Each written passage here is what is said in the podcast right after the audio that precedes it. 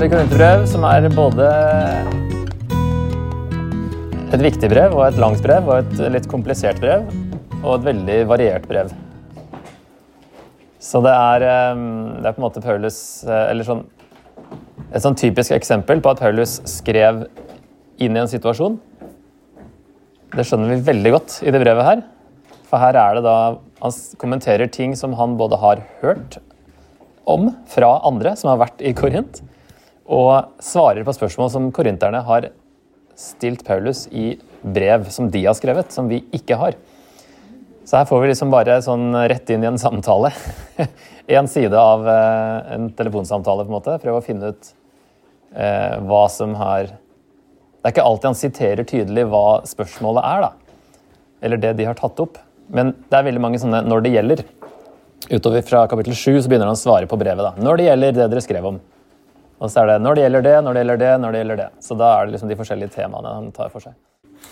Men når vi nå eh, kommer til korintmenigheten her, så vi tror kanskje, eller jeg i hvert fall trodde det, at de første menighetene Det er greit at det er liksom, vi sliter med ting nå, 2000 år etterpå. Men jeg tenkte at de som var liksom, de eldste menighetene, de må ha hatt alt på stell. liksom. Vi må kunne se i kirkehistorien og, og i, i, eh, brevene her, Apostlenes gjerninger, liksom, da funka det virkelig, for det var jo så tett etter Jesus sjøl hadde vært der, og apostlene var de som hadde vært der. ikke sant?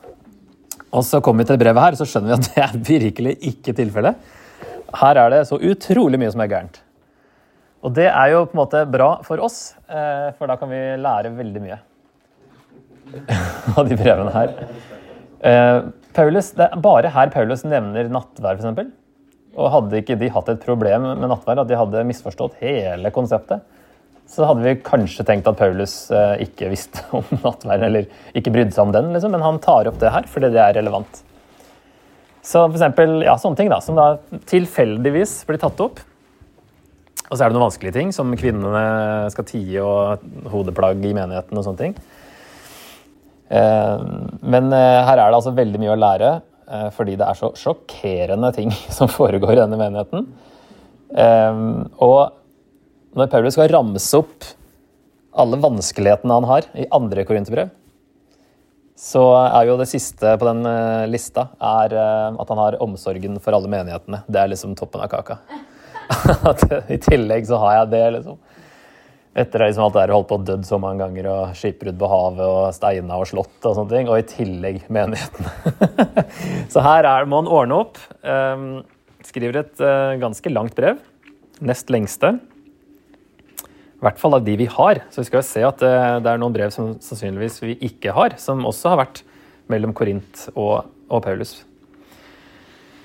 Og så har jeg eh, landa på et sånn overordna tema da, når kirka blir verdslig. Eh, og det er jo en sånn Altså, i vår tid, da, så, eller ikke vår tid, i vår, vårt århundre eller forrige århundre Vår Eh, besteforeldres generasjon, kanskje, da, så var det veldig eh, lovisk ofte. Ikke gjør det, ikke lov til å gjøre ditt og datten. Og så har det på en måte svingt andre veien, som vi har snakka om. ikke sant? At eh, nå er plutselig alt lov, og så har det blitt litt slapt. Og så har man nesten ikke tenkt på eh, hva som liksom er verdslig, eh, og hva, man, hva, man, skal holde seg unna. ikke sant? Så det har gått, den pendelen har svingt nesten helt andre enden, og at vi nå eh, kanskje står i fare for å bli litt for slappe. da alltid en fin, eh, en fin, posisjon i midten av ting, men de havner alltid i grøfter, virker det som. da. Fra det ene til det andre. Så eh, hvis vi snakker om sånn kirkehistorisk eh, perspektiv, så skjedde det kanskje en sånn for alvor verdsliggjøring på 1800-tallet, mener mange. Men det er jo greit å bare tenke litt generelt. Når, når eh, skjer det at kirka blir verdslig? Hva, som, hva kan vi definere det som, da? Og da eh, kom jeg over en bok som jeg har lyst til å lese. Jeg kjenner litt til han Andrew Fellows eh, fra før. Men eh, 'Smuggling Jesus Back Into The Church' tror jeg egentlig er et uh, sitat av uh, Søren Kierkegaard. Um, som snakka om det. Eller Kirkegård, kan vi kanskje si det på norsk-dansk. Um, how the church became worldly and what to do about it. Og Han sier da at uh, Han går til andre korinterbrev igjen. som vi, Det henger jo sammen, det her der Paulus skriver at våre eh, våpen er ikke fra mennesker, men har sin kraft fra Gud og kan legge festninger i grus. Vi river ned tankebygninger og alt stort og stolt som reiser seg mot kunnskapen om Gud. Vi tar hver tanke til fange under lydigheten mot Kristus. Så her er det snakk om tankebygninger eh, og tanker, som er det som er eh, eh, den virkelige kampen. da.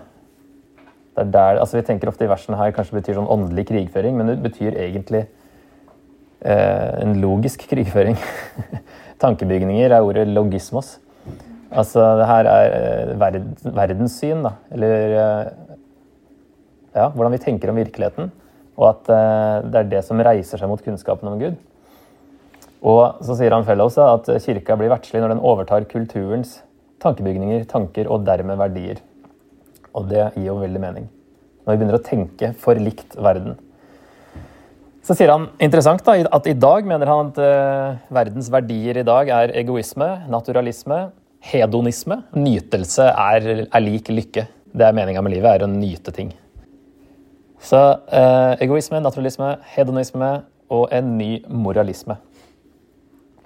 Og så er det jo et vers i første korinterbrev her om at surdeigen gjennomsyrer hele deigen, snakker Paulus om, i den sammenhengen her.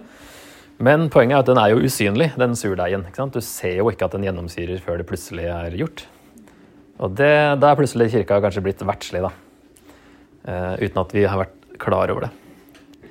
Så da ble Jeg syns brevet ble enda mer interessant når vi vinkler det sånn. Uh, og prøver å finne Da kan vi lære av uh, Når vi begynner å tenke annerledes. da. Tenke for likt verden og ikke som Jesus. Og en annen som jeg også har lest litt i siste, heter Andrew Wilson. Han uh, kommenterte det sånn at korintmenighetens største trussel var ikke forfølgelse, men assimilering. Altså det at de ble lik, da, ikke sant? gjort lik verden. Og dermed var deres situasjon ganske lik vår. Hvor går skillelinjene mellom menigheten og verden? er jo Paulus opptatt av her. Og det er han jo ofte. Og da lager han ofte de her veldig sånne svart-hvitt-listene sine. ikke sant? Hedningene er sånn, men dere er sånn. så for Paulus så var det veldig sånn Det må være en forskjell.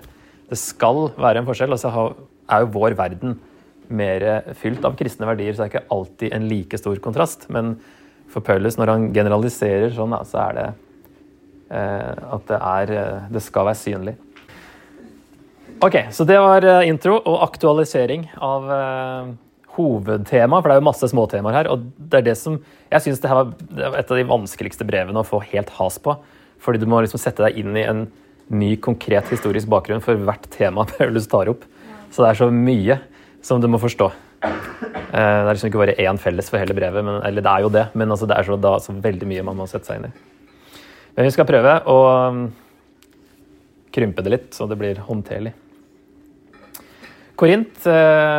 Eh, her er det Paulus sin andre misjonsreise. Første og andre, da. Den lengste her er den andre.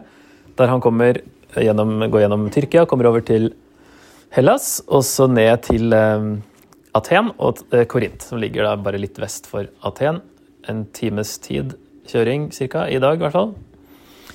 Um, Akaya heter da den provinsen helt sør, da. Hellas står nå over der, ser dere, men snakkes ofte om Akaya i, eh, i Bibelen. Så Makedonia er det der oppe. Um, og um, Eh, Korint er sånn ser det ut i dag. Han har fått en kanal som går gjennom Hvis du så på det andre her, da, så ser du at det ligger veldig sånn et, i skjæringspunktet der si, mellom eh, Jeg husker ikke hva det heter. den her, eh, Kanskje bare den korintiske gulf eller et eller annet. som på nordsida her. Og så eh, Hva heter det? Det joniske havet eller noe? Det som ligger helt andre sida der, da. Så det var sånn, det lå midt imellom der. Hadde to havner. De prøvde å lage en sånn kanal i det første århundret òg, men det fikk de ikke til. Eh, det kom ikke før i 1880 et eller annet. Eh, og er 6,5 km tror jeg, lang og bare 25 meter bred. Men forbinder da de to. Ehm, så det her var jo en viktig by, en av de store byene i den romerske verden, og var hovedstaden da i Akaya. Det var ikke Aten som var hovedstaden da, fordi den hadde den der beliggenheten mellom to havner. og ble da et internasjonalt handelssentrum. Og da hadde vi jo Da kommer det jo mange forskjellige folk innom. Og byen ble jo veldig eh, ja, sånn her multikulturelt eh, sted med masse impulser. Det var også et religiøst pilegrimsmål. Hadde da templer for Afrodite og Apollo, kanskje det viktigste. Men orakelet i Delphi, som dere sikkert har hørt om, lå 50 km unna og var fortsatt i funksjon på Paulus sin tid. Så kom folk kanskje for å gå dit en tur òg. Så på 50-tallet så var da Korint på vei til å bli den største og mest velstående byen i Hellas. Hadde kanskje 60 000-70 000 innbyggere. Hvert fall et sted mellom 40 og 100, men man kan lande et sted midt på, kanskje. Og kanskje en tredjedel til to tredjedeler slaver. Ganske mange var slaver i Romerriket generelt, men kanskje spesielt her. Det var vel en romersk koloni, som også Filippi var. og det vil si at Romerne hadde oppretta en by som ble en sånn selvstendig enhet. Som de eh, krigsveteraner og eh, frigitte slaver fra Roma fikk liksom bo i en romersk koloni et annet sted. Og slavene da kunne starte på nytt på en måte da, hvis de var frigitte. Starte på nytt i en sånn koloni. Det er ikke så relevant, kanskje, men greit å vite. Ok, Så en ganske stor by, i hvert fall på den tida. Og masse, masse ting som skjer, og masse sjømenn innom. Med alt som følger med det, da. det kan være litt forskjellig. Men det er kanskje mer interessant hvor stor menigheten var. Um, og det vi finner ut av um, apostlenes gjerninger står det at synagogeforstanderen Krispus kom til tro sammen med alle i sitt hus. Også mange andre som nevnes, bl.a. Gaius, som han nevner også i brevet her, og Stefanas. Det er de to han har døpt med familie, da. Og Krispus. De tre her som han nevner her, er vel de han eh, takker Gud for at han ikke har døpt flere enn de. eh, bortsett fra Krispus og Gaius har han ikke døpt noen, og så kommer han på Stefanas og hans familie etterpå. så da var det tre familier, i hvert fall. Ok, Så har vi noen navn. Eh, og så tenker man nå at det var et sted mellom 50 og 100 personer i menigheten, siden alle kunne få plass hjemme hos Gaius, som han nevner i Romerne 16. At han eh, hilser fra Gaius, som er vert for hele menigheten. Og da skriver han fra Korint når han skriver rombrevet. Så da er han hos Gaius, der korintmenigheten pleier å samles. Og da, det var jo sånn det var, husmenigheter. Og da man får plass til alle i et hus. Og da var det sjelden man hadde plass til flere enn 100 personer. Ut fra hva man har funnet av ruiner og sånt. Men det er ofte de som hadde store hus, da, som var litt velstående, som da kunne huse menigheten. Det er også mange av lavere sosiale klasser. Når han eh, sier i 1.26.: Se på dere selv, søsken, dere som ble kalt. Ikke mange vise etter menneskelige mål, og ikke mange med makt eller av fornem slekt. Det var ikke mange som var høytstående. Det var, virker som de fleste var eh, fra lavere klasser. Men virker som også noen var rike når vi kommer til nattvær eh, og problemet der, i kapittel 11. Så er det at de rike bare peiser på. Så er det også relevant eh, for brevet her at Apollos, som da ikke er Apollo, det er to forskjellige, som sagt. Apollo var en gresk gud. Uh, Apollos er en som dukker opp i apostelens gjerninger, og som uh, omtales som en som hadde ordet i sin makt. Han var flink til å tale. Og det spiller nok inn på det som uh, har skjedd i uh, Korint. Uh, var godt kjent i skriftene. Og så står det også i vers 27 um, og 28 skal vi se, Han satte jødene ettertrykkelig på plass når han i åpent ordskifte beviste ut fra skriftene at Jesus var Messias. Så en flink debattant, en som hadde ordet i sin makt som har kommet til Korint etter Paulus. Som Paulus også nevner i brevet her. Og så er det som sagt mange problemer. Eh, Paulus svarer på det han har fått høre fra Kloes folk, som har vært på besøk der. 1.11. For noen av Kloes folk har fortalt meg, søsken, at det er stridigheter blant dere. Og så er det da spørsmål som korinterne har sendt i brev til han, som sagt, når det begynner i 7.1, når det gjelder det dere skrev om. Og så kommer det Når det gjelder de unge jentene, står det i 7.25. Når det gjelder kjøtt som har vært ofret til avgudene, i 8.1, osv.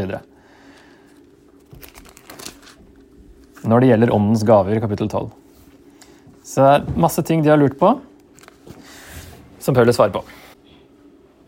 Det er interessant da, når vi kommer til nådegavetemaet, at vi tenker litt på hvor mange var denne menigheten. Hvis de var liksom bare 50 stykk, så er det interessant med det herre Se for seg det i stedet for en på 500 stykk. Liksom. Eh, og hvordan det fungerte med nådegavene i en sånn liten kontekst. Prøv å datere brevet, da. Så så vi da at han, det var andre misjonsreisen på det kartet, at han kommer dit. Og det er Postens gjerninger 1811. Så står det at han ble der i halvannet år. Og det er vel da slutten av eh, den andre misjonsreisen, som ca. år 50 til 52. Det var da han var der og eh, menigheten ble starta. står i 1811. Så ble han der halvannet år og lærte dem Guds ord. Um, og så er det på slutten av første korintbrev i 1608 at han sier at han skriver dette mot slutten av oppholdet i Efesus, som var 53-55, på den tredje misjonsreisen. Så det står i uh, Apostelens gjerninger 1910, var det vel, at han var i Efesus i to år. Kanskje to og et halvt. Eh, og her så sier han at han eh, i Efesus blir jeg til pinse, sier han. Um, og så skal han til Makedonia, og det passer med tredje misjonsreisen. Som overlapper veldig da med hvor han dro med den andre. Ok, Så da et sted 53 eh, 55 skriver han det her, da. Så et eh, forslag kan være 54-55, da, mot slutten der et sted. Men jeg så at det var litt sprik på dateringa her. Eh, men det er nok imellom andre tesaloniker og, og andre korinter, naturligvis. så, men uh, romerbrevet kan vi datere til 57, så ja, tidlig 50-tallet et sted, da. Ok. Um, når han er i Korint, så jobber han også som teltmaker. Jeg har kanskje hørt om det? Og vi bruker det som et uttrykk som å være teltmakermisjonær. Så det står at han eh, Akvilas og Priskilla, som han møter i Korint, i Apostelens gjerninger 18 eh, Han oppsøkte dem, og fordi de hadde samme håndverk, ble han boende hos dem, og de arbeidet sammen. De var teltmakere av fag. Så lage telt, det var business. Så da jobba han med det i uh, halvannet år i Korint, mens han da planta menighet og snakka med folk. Ok, men her er oversikt over gamlebyen eh, i Korint. Eh, prøvde å peke ut de viktigste tingene her. Oktavia-tempelet, det er altså søstera til eh, Oktavian. Og hvem var det? Det var keiser Augustus, som eh, hadde mange navn. Det hadde jo mange keiserne. Men eh, søstera hans fikk òg et, et tempel regner man med at det er det det er, i hvert fall. Eh, amfiteatret her borte. Uh, dommerstolen der, der Paulus blir banka opp, eller holder på å bli banka opp, i uh, Apostelens gjerninger 18. Det er vel uh, Hvem er det de banker opp i stedet? Sostenes. Som er med og skriver første korinterbrev. Skal vi se, ja. De um, trakk Paulus for retten, ja. Og Paulus fikk ikke åpnet munnen før Gallio, altså han guvernøren, ikke sier at det bryr meg ikke om. Det er en jødeting, det får ordne opp sjøl. Alle grep da fatt i synagogeforstanderen Sostenes og hjulte ham opp like foran dommersetet. Men Gallio brydde seg ikke det minste om det. så det skjedde der. Eh, og Sostenes som sagt, er med og skriver. Det var kanskje to synagogeforstandere, da, siden Krispus også nevnes. Hvis ikke det er samme, men det eh, høres ut som to forskjellige. Hera var en gudinne som hadde tempel. Ganske svært et. Og Apollo sitt var eh, Nei, vi se. Hera, det var lille, ja. Apollo var det store. I midten der. Og så er markedsplassen den her firkanten. eh, der nede. Men eh, en gammel kilde sier at det fantes da 26 sånne templer og hellige steder eh, innviet til mange ulike guder, som typisk var da masse, masse forskjellig man kunne tro på. Og som ikke var noe problem å tro på alt sammen, eller velge seg noen guder og tale de. Ok, Dommersetet det så liksom sånn ut da. Nå ser det sånn ut. Um, her er sånne boder som uh, de satt i, da, som Paulus kanskje hadde en sånn en. Og hadde litt sånn utstyr og sånn bak der. Og satt ute her og lagde telt, og fiksa telt og snakka med folk. Og så er det oppå fjellet der sånn, ser det her, her er rester av Apollo-tempelet, det store. Og oppå der var Afrodite-tempelet, oppå fjellet. Og det var der det var eh, Altså, Korint var jo en gammel by som hadde blitt ødelagt eh, sånn ca. 200 år før Paulus eh, kom dit, eh, men gjenoppbygd. Men før, da Man vet ikke hvor aktivt det der tempelet til Afrodite var etter det ble ødelagt og bygd opp igjen. Men før ødeleggelsen så var det i hvert fall ifølge en uh, antikk historiker som heter Strabo, som sier at det var 1000 prostituerte knytta til det tempelet der oppe. Sånne tempelprostituerte, for de kobla ofte sex og religion. da. Um, så uh, sannsynligvis var ikke det akkurat sånn da Paulus var der, men det er i hvert fall problemet uansett. Prostitusjon når du er en havneby og i tillegg har dobbel havn. sånn så er det um, Der ser du i brevet også at uh, noen av menigheten syns det er greit å gå til prostituerte. Her en oversikt over um, både brev og besøk. Det er det viktigste her. da, Å se at det kanskje er uh, flere brev, minst fire. Fordi han eh, skriver i 1. Korinter 2,1 Først om besøket, da. Da jeg kom til dere. Det var det vi så i andre misjonsreisen. Apostelens gjerninger 18. Da kom han. Um, og så nevner han i 1. Korinter 5,9 Jeg skrev i brevet til dere. Og Da virker det som han refererer til et brev ikke tidligere i dette brevet, men et tidligere brev som han har skrevet før, og som han må forklare litt at de hadde misforstått hva han har skrevet. Det var ikke det jeg mente. Så han refererer til noe han har skrevet før. Og så er det da at Chloés folk eh, forteller han om noen av problemene i Korint, og Paulus får et brev av korinterne. Og så skriver han sitt andre brev, minst, som er vårt første korintbrev fra, fra Efesus. Ikke sant? Så Vi kaller det for første, for det er det første eldste vi har. Men han har jo skrevet et før som vi ikke har. Og kanskje han har skrevet flere òg, for det var mye eh, forbindelse mellom Efesus og Korint, bare over havet der. Eh, så, eh, han også kan ha vært på et besøk også, som han bare nevner i andre korinterbrev, som ikke nevner i apostlenes gjerninger. Eh, fordi det var ganske greit å komme seg over som han refererer til som et, eh, eller virker som et raskt og smertefullt besøk. Som ikke gikk så veldig bra, liksom. Sånn, litt sånn uh, dårlig stemning. Som han uh, toucher innom tre ganger, da. I andre korintbrev. Så uh, skriver han sannsynligvis et tredje brev som også er tapt. Hvis ikke det er første korinterbrev. Noen mener det. Men han snakker om det i andre korinterbrev 2 og 7 og det han skriver der, høres kanskje ikke helt ut. Da. Det er det man må liksom finne ut. Høres dette ut som første grunntrev eller ikke? Men han uh, skriver at han uh, Skal vi se Andre grunter 2, 3 og 4. Um, ehm, det var jo derfor jeg skrev. Jeg ville ikke komme og bli sorgfull av dem som skulle gjøre meg glad. Og jeg har den tillit til dere at alle i min glede nei, tillit til dere alle, at min glede også er deres. I stor nød, med angst i hjertet og med mange tårer skrev jeg til dere.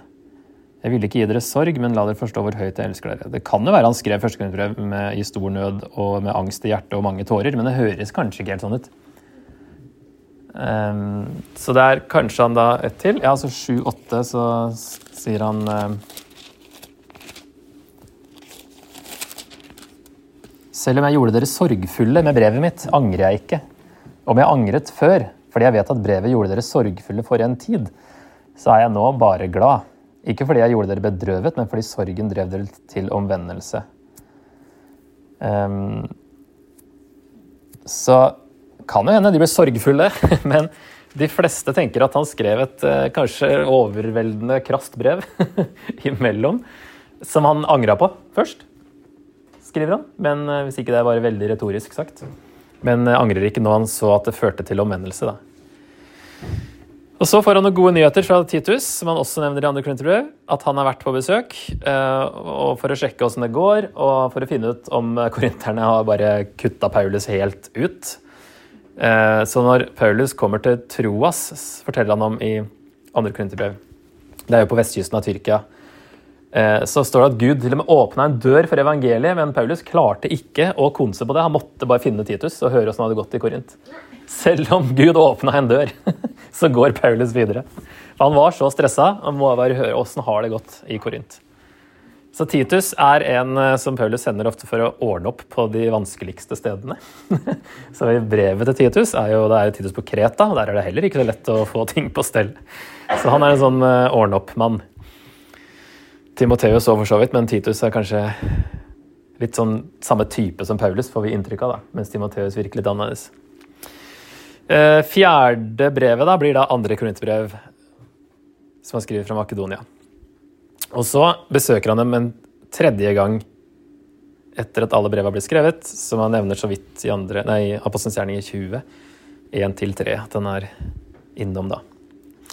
Så er, vi kommer liksom rett inn i en uh, korrespondanse her. Er, de har snakka om ting allerede, og Paulus må prøve å um, forklare ting. Ok, en struktur her. Det er greit å bare få litt oversikt over uh, for det, vi kan gruppere det i eh, fem bolker, sånn at selv om det er masse ting, så kan det samles litt. da. Først handler det om splittelser i kapittel 1-4. Om stolthet og om eh, verdslig visdom, som eh, de har blitt liksom litt vel opptatt av, noen av de. Så kapittel 5-7 så er det samlivsetikk og kirkedisiplin. Der det er starter med en sak om hor i menigheten. Og så er det at de går til rettssaker mot hverandre for småting. Og så er det kapittel 7 da, som går på ekteskap, skilsmisse, singelliv og masse forskjellige kategorier. Eh, hvordan eh, Paulus ser på ting der. Og både ut fra Jesus og også litt hans egen mening. Så det blir spennende. Kapittel 8 til 10 henger sammen. handler om eh, frihet eh, satt opp mot kjærlighet, altså kristen frihet. Der spørsmålet er kan en kristen spise kjøtt som har vært ofret til avguder. Og det er blitt overraskende relevant faktisk i det siste. Selv om det handler ikke om kjøtt da, men prinsippene. Um, vi er fri til å spise alt, men vi skal ikke alltid gjøre det, sier Paulus. Fordi det handler om vår neste og de andre rundt oss. Veldig interessant. At synd høres ut som det er relativt, men det er ikke det. Men det høres nesten litt sånn ut. Det blir synd i visse kontekster, men ikke i andre. For eksempel, eh, det skal vi diskutere litt, for eksempel yoga i kirka har vært en stor diskusjon det siste året. Og det er jo, ikke sant, Da har du noen åndelige eh, kontekst der. Yoga er jo egentlig noe østlig religiøst, ikke sant? som eh, man putter inn i kristne gudstjenester, spesielt i Den norske kirke. Og så har det vært eh, mange som har reagert veldig på det.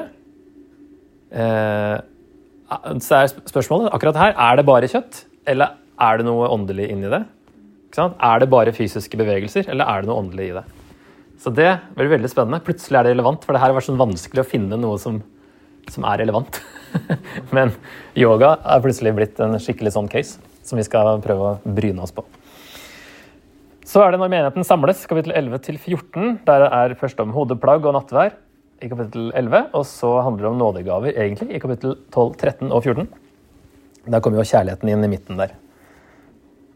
Og så 15 og 16 oppstandelsen. Hele kapittel 15 er om Jesu oppstandelse og vår oppstandelse. Eh, så det ser ut til at de ikke trodde på oppstandelsen fra de døde, at den skulle skje en gang i fremtida, eller de tror at den allerede har skjedd på en åndelig måte. En litt sånn gnostisk, en førgnostisk måte. Så det er liksom spor av en tidlig gnostisisme her. Altså veldig sånn adskilt det åndelige og det kroppslige. Um, så vi kan snakke mer om det òg. Så kan dere i hvert fall tenke litt store bolker. Hva er det han egentlig holder på med her? Fordi inn i 8-10 så kommer det en digresjon i kapittel 9. Men han snakker fortsatt egentlig om det samme temaet. Og det samme når han kommer til Kjærlighetens uh, høysang, som det heter, i kapittel 13, så snakker han egentlig om nådegaver, men det er en digresjon. Og, eller kanskje ikke digresjon heller. Han vil vise det fra et annet eh, aspekt. Og så kommer han tilbake til igjen. Så det, alt henger sammen sånn, men det virker som han plutselig vil snakke om kjærlighet, og så tilbake til tungetall og profeti og sånne ting. Men det er egentlig en pakke der. Ja. Avslutning i kapittel 16 med reiseplaner og hilsener og sånn.